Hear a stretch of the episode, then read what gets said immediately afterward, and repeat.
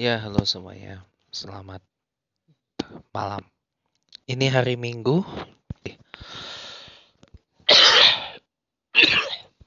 Masih bertemu dengan kita. Seharusnya jam segini saya ada siaran di Wisting, tapi sengaja saya bikin podcast dulu. Karena ada hal penting yang kepengen saya sampaikan. Ada dua sih hal penting. Uh, pertama, saya setuju banget dengan um daripada Jimmy Jimmy antrian spesialis dua gitu loh. Bahwa di tengah uh, pandemi corona dan juga pembatasan sosial pembatasan kontak fisik secara uh, besar-besaran kayak gitu pasti kan ada orang kayak pengen blow up gitu loh. Kepengen ya ada marah ada apa segala macam. Dan akhirnya meledaklah marah saya di depan orang tua saya tadi gitu loh. Ya kan? Karena tiap kali saya ini pasti dikeluhin mulu dan segala macamnya ya kan? Ya sama saya juga begitu. Saya saya walaupun alhamdulillah sudah berhijrah mulai saya belajar untuk sabar sabar sabar sabar gitu kan. Saya yakini sabar itu memang nggak ada batasnya tapi sayalah yang membatasi kesabaran itu. Dan akhirnya pas tadi saya makan malam meledaklah saya. Saya belum istighfar kan? Astagfirullahaladzim kenapa saya harus seperti itu gitu loh? Saya bilang gini aja sih. Ketika orang tua saya mengeluh tentang itu ya saya biarin aja gitu loh. Mungkin mereka sedang saya paham kok ya mengeluh gitu loh. Karena apa ya istilahnya namanya orang dirumahkan, gak ngapa-ngapain gitu kan. Apalagi kita berdasarkan info dari BNPB ya, masa tanggap darurat pandemi corona ini diperpanjang sampai 29 Mei. Dan saya nggak tahu sampai kapan ini social distancingnya, gitu loh. Bingung kita juga, gitu loh. Tapi tadi saya bilang, saya udah kasih kode kode keras dari saya. Makin banyak kita mengeluh, makin lemah imun kita, makin lemah, makin turun daya tahan tubuh kita, makin beresiko kita kena corona. Beneran. Ini ini ilmiah loh. Yang ngomong juga bukan saya. Mulai yang ngomong kayak begitu tuh mulai dari Menteri Kesehatan, Pak Dokter Terawan, Kemudian juga banyak dokter-dokter pemerintah yang udah ngomong seperti itu. Banyak psikolog juga ngomong seperti itu. Makin banyak kita mengeluh, makin banyak kita bingung. Makin banyak kita kayak begini, ya. Ya. Justru apa ya? Makin beresiko kita kena positif corona loh. Hati-hati saya bilang. Karena ilmiah loh ini. Para dokter sedunia mengatakan 90% penyakit itu datangnya dari hati. Dan dari pikiran cuy. Anda bayangkan coba. 90% dari hati, 10% 90% itu dari jiwa cuy, bayangin. Kalau jiwa kita kotor, jiwa kita nggak bersih, Apalagi di tengah pandemi corona kayak begini, Masya Allah. Nah, di saat inilah makanya kita tuh pengen istilahnya apa ya? Kalau kita bilang simulasi Ramadan, simulasi puasa, iya. Tapi di sini istilahnya saya secara teologis, saya semenjak saya berhijrah, jadi mulai berpikir bahwa oh ini cara Allah mendidik kita tuh untuk sabar gitu loh. Namanya Allah itu tidak akan pernah memberikan ujian kepada hambanya melebihi kemampuan hambanya. Benar loh. Ini saya yakini banget. Di saat inilah Allah menguji seberapa sabar kita menghadapi pandemi corona kayak begini. Seberapa sabar kita harus kayak dirumahkan gitu loh. Kalau penanganan corona di Indonesia ini nggak baik, makin panjang kita social distancing. Anda lihat, Korea Selatan yang tidak Korea Selatan tidak perlu lockdown. Ya. Tapi kenapa kasusnya Korea Selatan bisa turun? Bahkan informasi yang baru eh, katanya walaupun ada kasus baru di Tiongkok sana, tapi nggak separah kemarin. Nggak separah di nggak separah bulan-bulan kemarin. Anda bayangkan coba. Kenapa bisa begitu? Ya. Atau saya baru dapat dari Pak Deddy Susanto, bagaimana Ceko menghadapi virus corona kasusnya rendah. Anda bayangkan coba. Jepang juga sama, kasusnya mulai menurun. Death rate-nya juga turun di Jepang sana. Walaupun kasusnya meningkat, tapi cenderung tidak setinggi di Indonesia. Tidak setinggi di Italia, tidak setinggi di Inggris, tidak setinggi di Spanyol. Kenapa? Kenapa begitu? Karena mereka menghadapi corona itu dengan mematuhi aturan dari dengan mereka sabar gitu loh, mengikuti anjuran dari pemerintah untuk social distancing. Bahkan kemarin turnamen sumo itu aja dihadiri tanpa penonton, held behind closed doors. Mereka mengikuti, nggak bandel istilahnya, dan mereka sabar. Nah bayangkan coba. Lalu kenapa kasus di Indonesia bisa tinggi? Di Jepang, di maaf, di Inggris bisa tinggi, di Italia bisa tinggi, di Spanyol bisa tinggi. Kenapa? Karena masih banyak masyarakatnya yang bandel yang nggak sabaran ngikutin aturan pemerintah. Social distancing. Malah mendesak untuk lockdown. Coba Anda bayangkan kalau Indonesia ini lockdown, ekonomi kita udah roboh, hancur. Makin banyak orang marah nanti jadinya. Walaupun kita tidak lockdown, tapi orang-orang yang di dalam jiwanya bergejolak, marah gitu ya. Kenapa harus begini? Kenapa harus begitu? Saya tahu di sini. Karena saya juga pernah di posisi itu. Pasti nyalahin Allah. Ih, ya Allah kenapa sih? Ih, kenapa sih? Dharma lagi bikin podcast. Ih, kenapa sih? Kok Allah begitu banget? Nggak adil banget. Ngadep, kok ngasih kita virus corona kayak begini?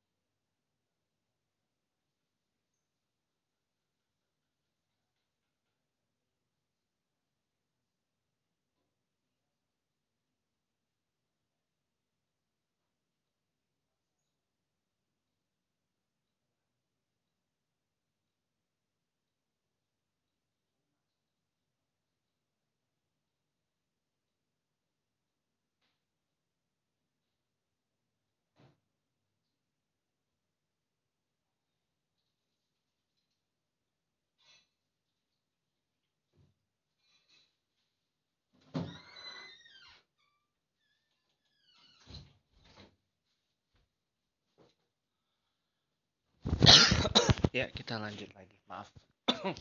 Tadi terputus. Saya setuju dengan omongannya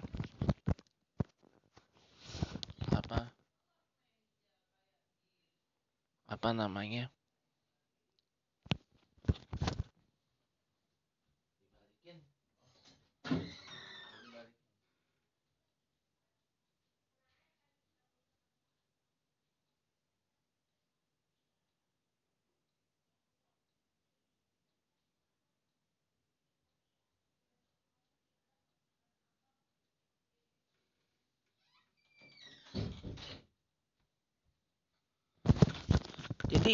Gimana ya?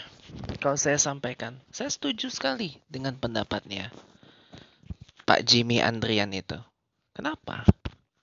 Karena di saat-saat seperti ini orang mengeluarkan kemarahannya itu saya ngerti karena bosen di rumah nggak ngapa-ngapain gitu kan ya. Atau mungkin orang itu di rumah cuman ya kurang aktivitas antara orang itu kurang aktivitas satu, yang kedua orang itu kurang mendekat kepada Tuhan, kurang mendekatkan diri kepada Allah, jiwanya jadi nggak tenang.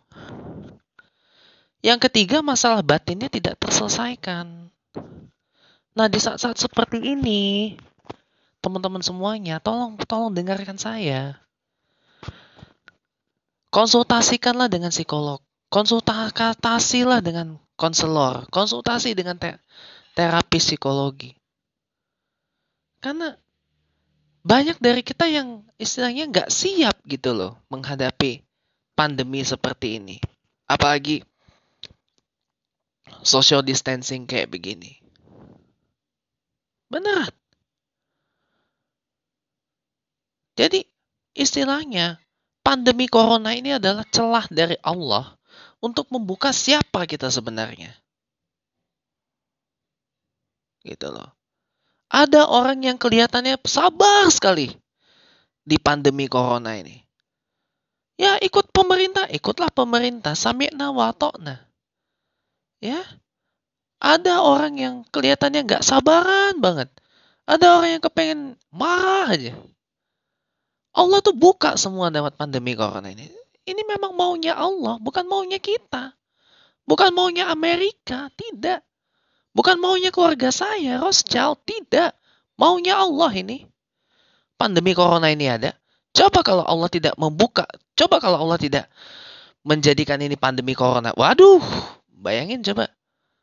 Waduh, bayangin berapa banyak lagi topeng yang kita pakai untuk menutupi keaslian kita. Benar. Orang tua saya, mama saya dan bapak sambung saya aslinya ketahuan. Lewat, lewat apa? Lewat pandemi corona ini. Mereka berdua sudah haji, tapi ternyata nuraninya mati. Masya Allah. Ngeri. Masya Allah. Di saat, justru di saat-saat seperti ini, banyaklah buka-buka kajian islami. Dengar siraman rohani. Aduh, sejuk banget. Bisa dengar siraman rohani dari dari YouTube banyak tuh di YouTube. Ada NU Channel, ada Ustadz Adi Hidayat, ada Ustadz Abdul Somad, ada Ustadz yang di, diikuti teman saya tuh Kak Intan Erlita, saya lupa namanya. Ada tausiahnya Habib Lutfi, ada tausiah lain yang menenangkan jiwa di tengah pandemi corona kayak begini.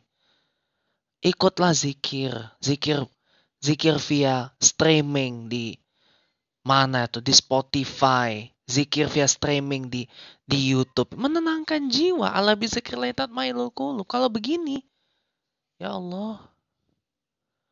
Itulah karena itulah semuanya semuanya udah ketahuan dari kita ini. Udah ketahuan.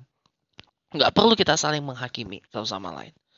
Saya juga aslinya ketahuan. Adik adik sambung saya juga aslinya ketahuan Mama saya aslinya ketahuan, bapak sama saya semua semua yang ada di dunia ini ketahuan semua lewat virus corona ini. Ini maunya Allah untuk membuka topeng kita yang sebenarnya.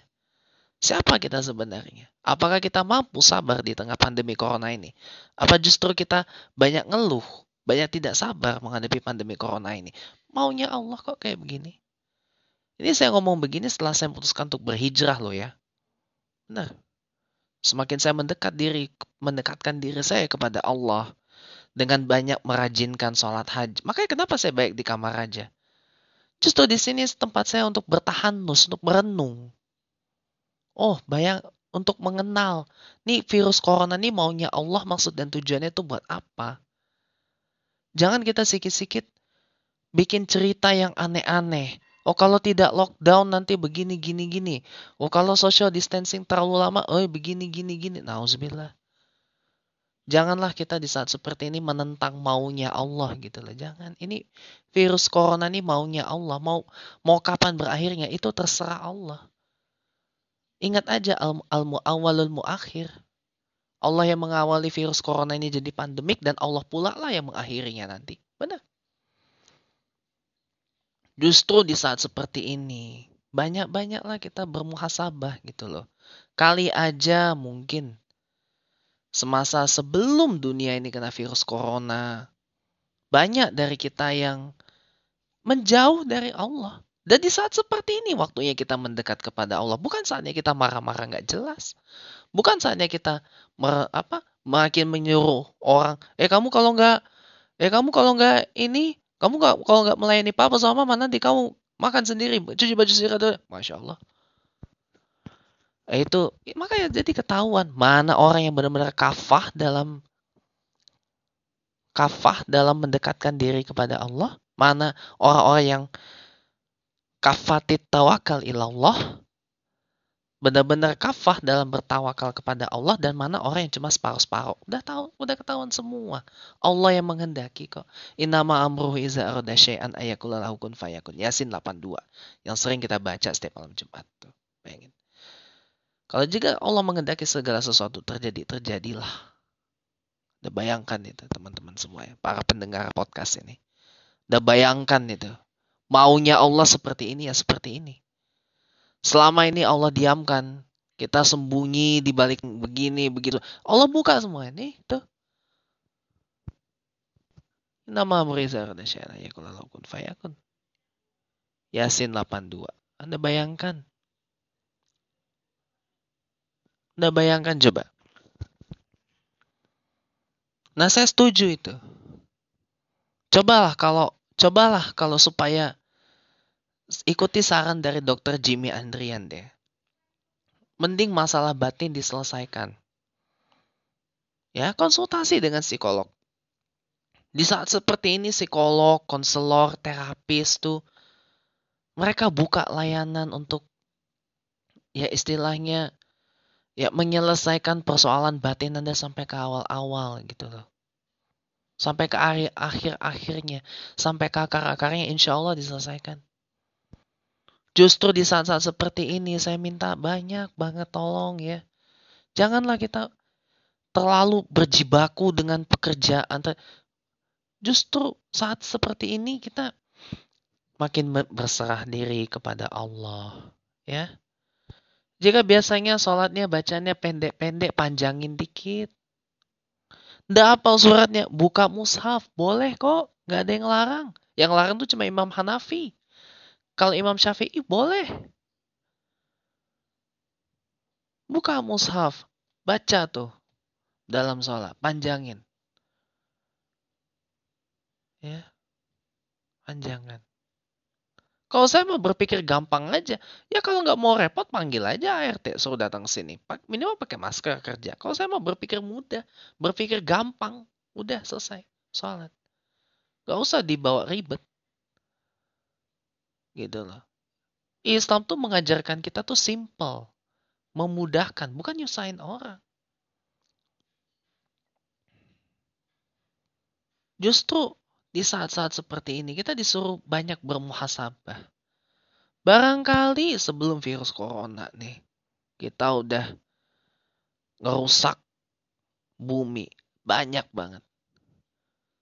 Sebelum virus corona, barangkali kita mungkin kurang amal.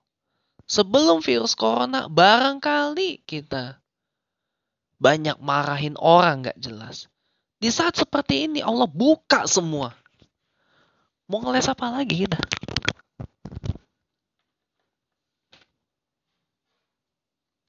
Justru saya berdoa loh dari sini. Ya Allah, Justru saya malah berterima kasih pandemi corona ini. Ya kenapa? Orang jadi kebuka aslinya semuanya. Topeng-topeng yang selama ini dipakai, waduh, kelepas semua. Allah tuh hanya ingin menguji seberapa sabar kita di tengah pandemi seperti ini. Makin kita sabar, ya, makin kita ikuti aturan pemerintah, makin kita mau ikuti aturannya Allah, insya Allah Allah akan akhiri virus corona ini lebih cepat. Bahkan sebelum Ramadan pun bisa Allah akhiri. Lah memang maunya dia, bukan maunya kita. Kita cuma bisa berdoa, meminta, memohon, sama ikuti. Sudah. Kalau kita mau sabar, ikuti maunya Allah. Maunya Allah kita sabar. Oke. Okay. Maunya Allah kita lebih baik beramal. Oke. Okay. Maunya Allah kita lebih banyak amalan. Kita ikutin. Maunya Allah kita lebih banyak berzikir, beristighfar, bermuhasabah, bertobat. Makin cepat Allah akhiri virus corona. Yakin, ikuti deh. Ini bukan cuma omongan dari saya. Tapi dari guru-guru saya yang lain. Banyak ulama yang berkata seperti itu. Ya, banyak ulama yang berkata seperti itu. Makin kita makin kita penuhi hati kita dengan kebencian, makin banyak kita penuhi hati kita dengan keluhan, dengan apa yang kita tidak sukai, makin lama Allah akan akhiri virus corona ini. Ini saya bukan bohong. Ini saya bukan bohong, ini enggak rekayasa loh. Ya. Ini ini saya ngomong kayak gini, ada ada dalilnya di Quran, bayangin. Ya. Anda bayangkan itu, nggak usah ribet-ribet. Al-Baqarah jelas ya ya ya lazina amanu sta'imu bisabri wassalah. Inna Allah sabirin. Kalau lagi kayak gini ini mintalah kepada Allah dengan sabar dan sholat. Makanya, kita, makanya kan saya selalu berulang kali bilang. Baik itu di Youtube maupun di Instagram saya, saya suka bilang. Kalau di saat-saat seperti ini banyak sholat, banyakin sholat sunnah terutama. Terutama sepagi sholat duha. Ya, kalau di waktu-waktu yang tidak dilarang untuk sholat, banyakin sholat hajat. Ya, minta hajat, minta supaya Allah akhiri virus corona ini. Gampang. Minta supaya batin kita ini tenang deh ada di, di virus corona ini. Gampang. Gampang kalau kita mau mau berurusan dengan Allah itu sebenarnya. Malam sholat tahajud. Panjangkan bacaannya, panjangkan zikirnya, panjangkan doanya. Itu eksplisit loh. Jelas. Di, di surah Al-Baqarah itu. Istaimu bisa bermasalah. Inna Allah masobirin. Allah tuh sama orang yang sabar. Kalau kita makin gak sabar, ya gimana Allah mau menghilangkan virus corona ini?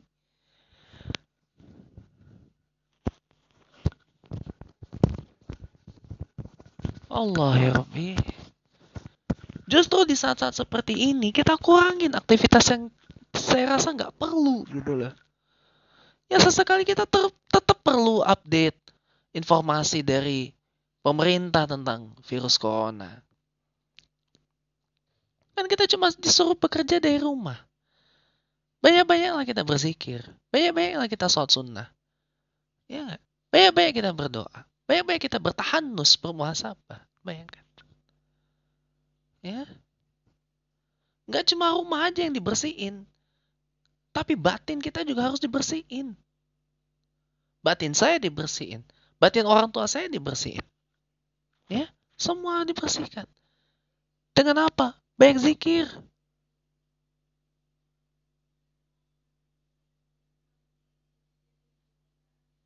Ya. Baik zikir, banyak istighfar. Ini kesalahan kita kok. Allah peringatkan kita supaya jangan ulang lagi kesalahan yang kemarin sebelum virus corona ini. Ini kesalahan kita. Bukan maunya Amerika. Bukan maunya keluarga saya, Rothschild. Tapi maunya Allah ini. Dan bayangkan.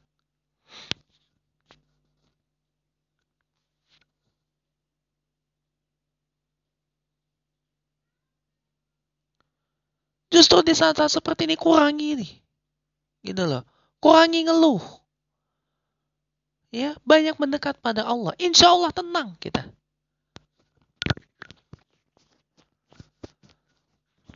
Tenang kita kalau kalau kita banyak mendekat kepada Allah.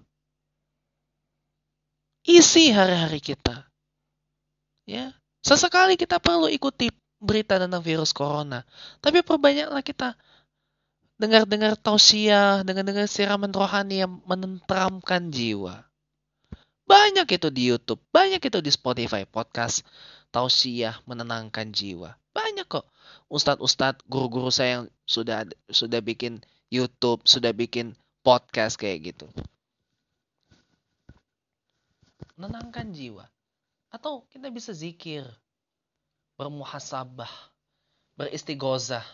Istigozah bisa dilakukan di rumah. Istigozah bisa dilakukan secara daring. Minta supaya virus corona ini hilang. Jangan ngomong yang aneh-aneh seperti yang saya dengar tadi.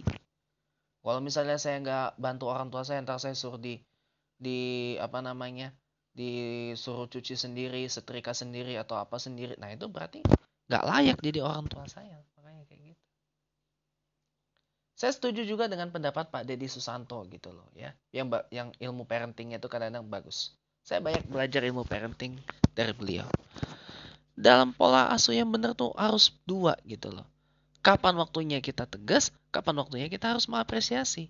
Kalau cuma tegas tapi tanpa apresiasi, tanpa kita mengucapkan terima, oh saya aja saya bantuin mama saya aja saya nggak pernah mama saya nggak pernah lo bilang makasih bang udah bantu mama dan segala macam. Eh gimana saya mau bantuin coba pengen. Itu manusiawi loh. Tapi saya nggak nggak tunjukin secara eksplisit.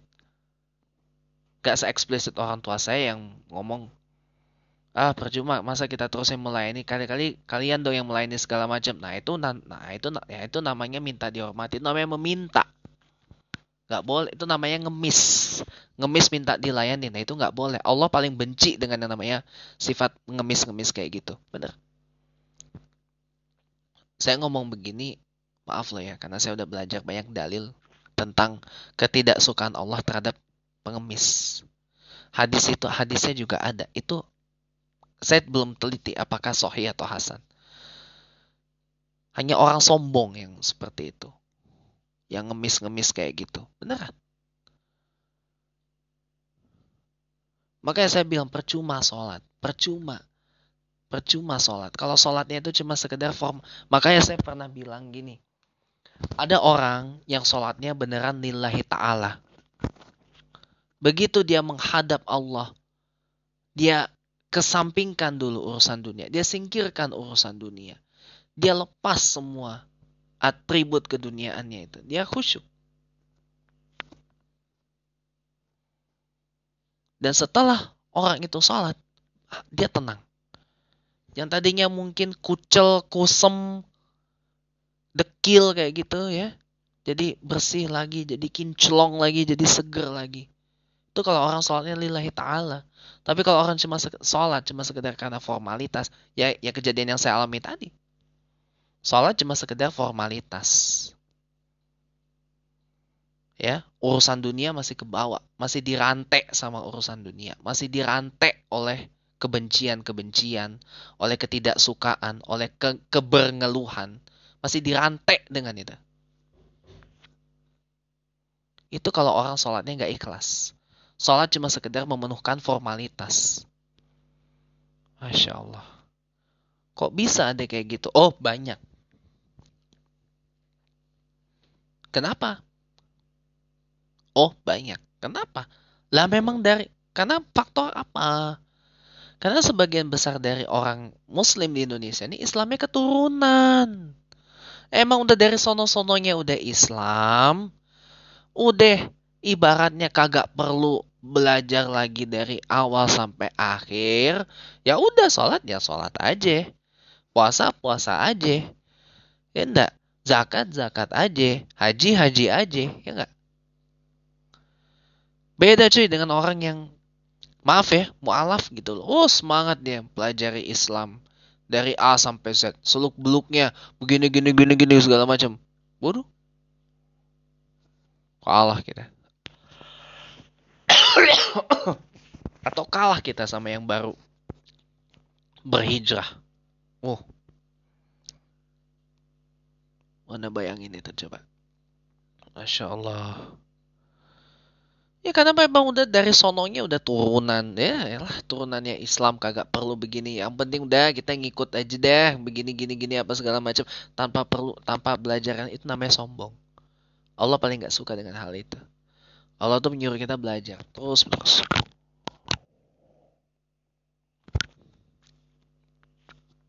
Makanya tadi pas sholat hajat saya baca surah Arum ya.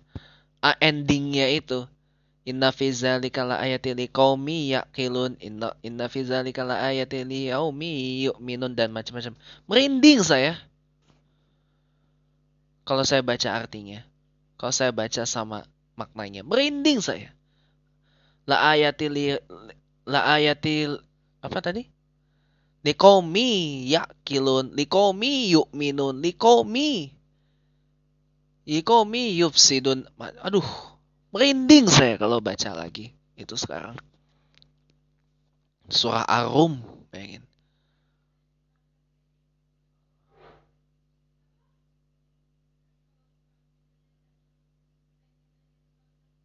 Ya.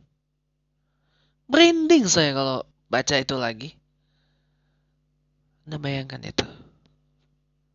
Afala ya La ayat ini kaumi yakilun. Untuk ayat ini di, untuk orang-orang yang berakal. Likomi yuk minun. La ayat ini kaumi yuk minun. Ayat ini ditujukan untuk orang yang beriman. Oh merinding saya loh. Masya Allah.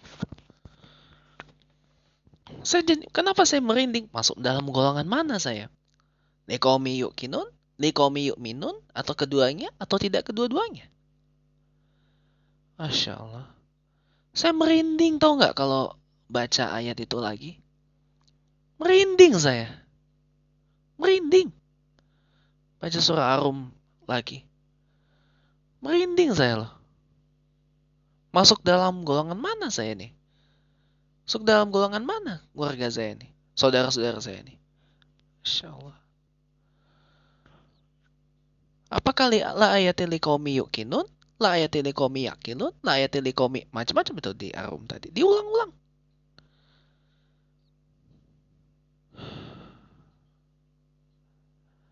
Sampai ya Allah. Ngeri saya. Merinding saya kalau merinding saya kalau kalau baca itu lagi sama artinya. Masuk dalam golongan mana saya tadi? Ya Allah. Inilah makanya saya baru merasakan setelah saya memutuskan berhijrah gitu loh. Ya Allah. Indah betul ayat Al-Quran ini. Kalau kita mampu baca yang benar sama artinya, indah Al-Quran itu. Indah Al-Quran itu. Gak bohong saya. Gak bohong.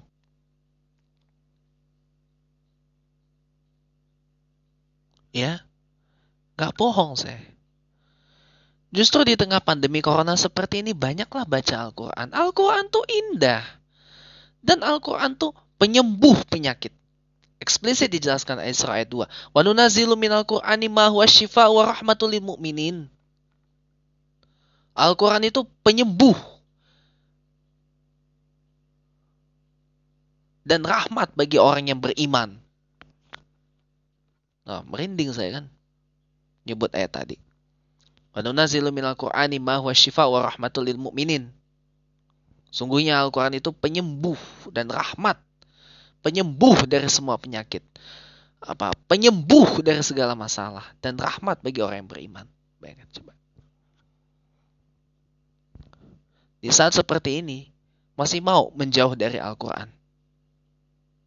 Di saat seperti ini kalau masih komplain anak susah bangun, tak tiba-tiba anak itu susah bangun, tak tiba-tiba pas dibangunin udah istilahnya udah dipanggil pulang sama Allah, masih mau komplain, susah dibangunin. Afala yakilun, kenapa kita nggak mikir? Di Al-Quran berkali-kali itu di, di ini. Afala yakilun, kenapa sih kamu nggak pakai akal? Kenapa sih kamu nggak mikir? Sungguh kalau kita belajar Al-Quran itu, waduh indah bener. Waduh, Al-Quran itu, waduh, filosofis banget. Oh, kalau kita pelajari Al-Quran itu, Masya Allah.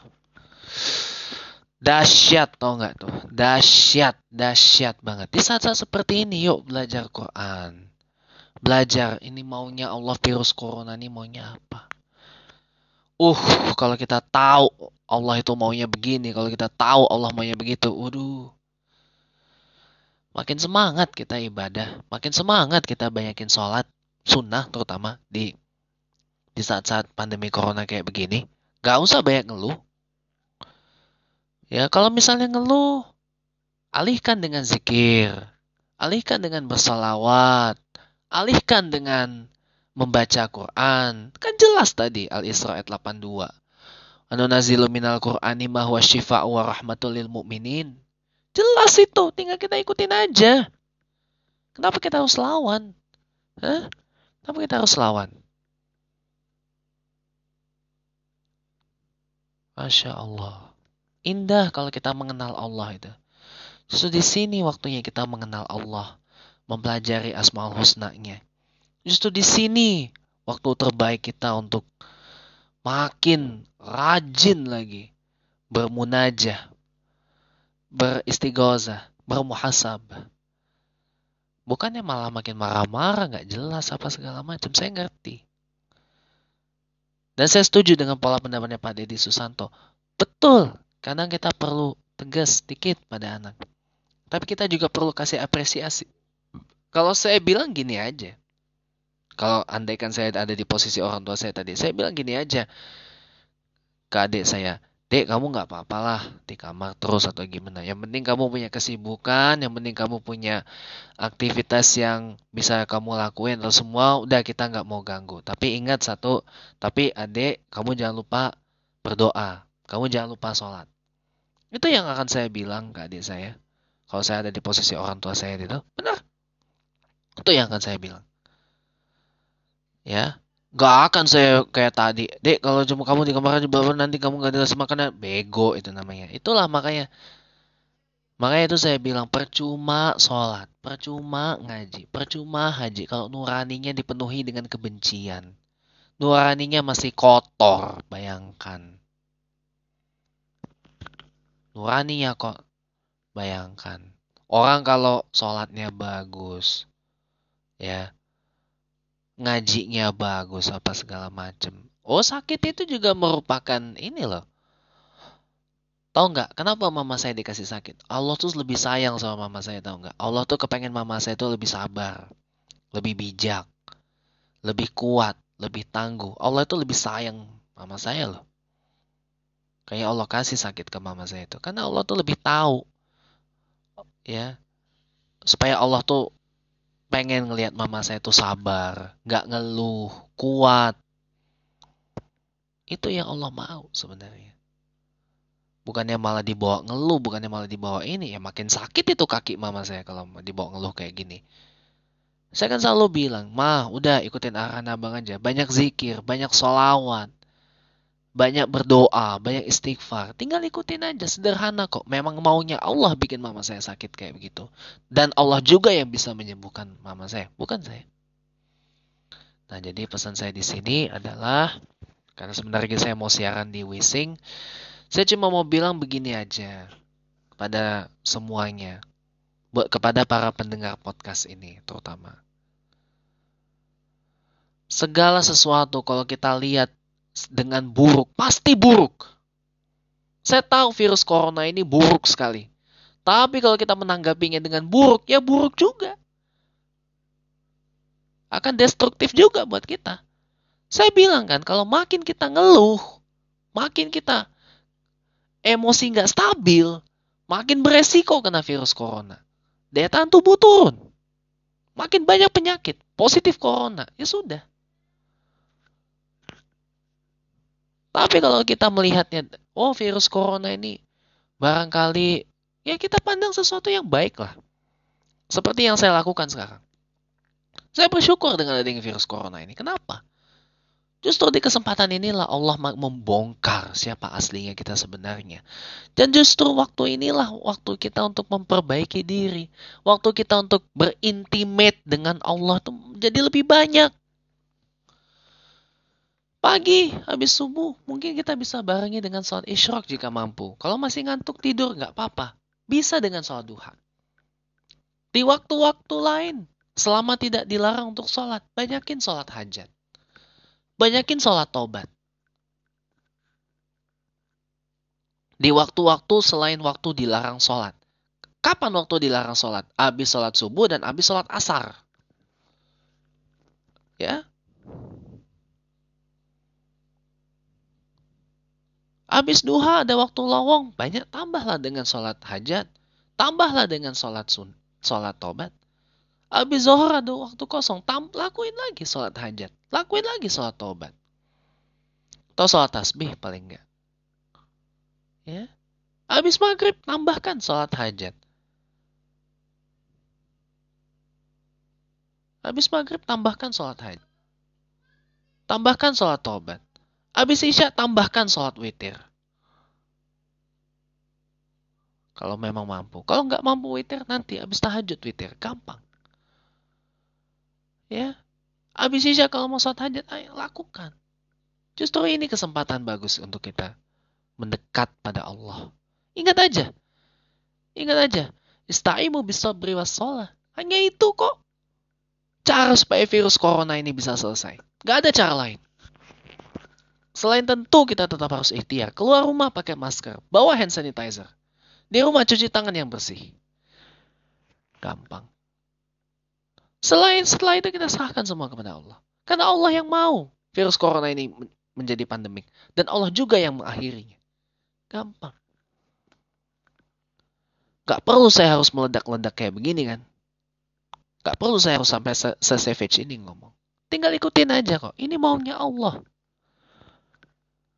Kalau kita semua sadar akan hal ini.